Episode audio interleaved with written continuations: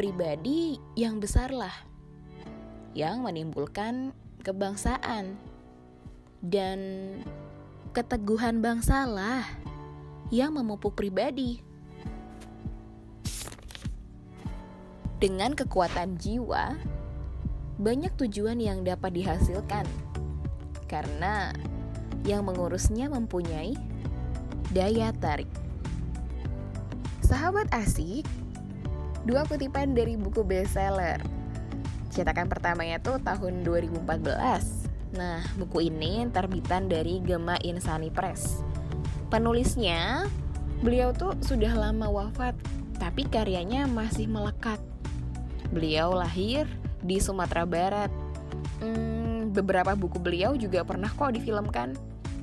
Dari sepak terjangnya, beliau ini pernah menjabat sebagai Ketua MUI pertama. Siapa? Coba tebak. Yap, Buya Hamka. Satu lagi, bebanmu akan berat, jiwamu harus kuat, tapi aku percaya langkahmu akan jaya. Kuatkan pribadimu. Gak asing kan?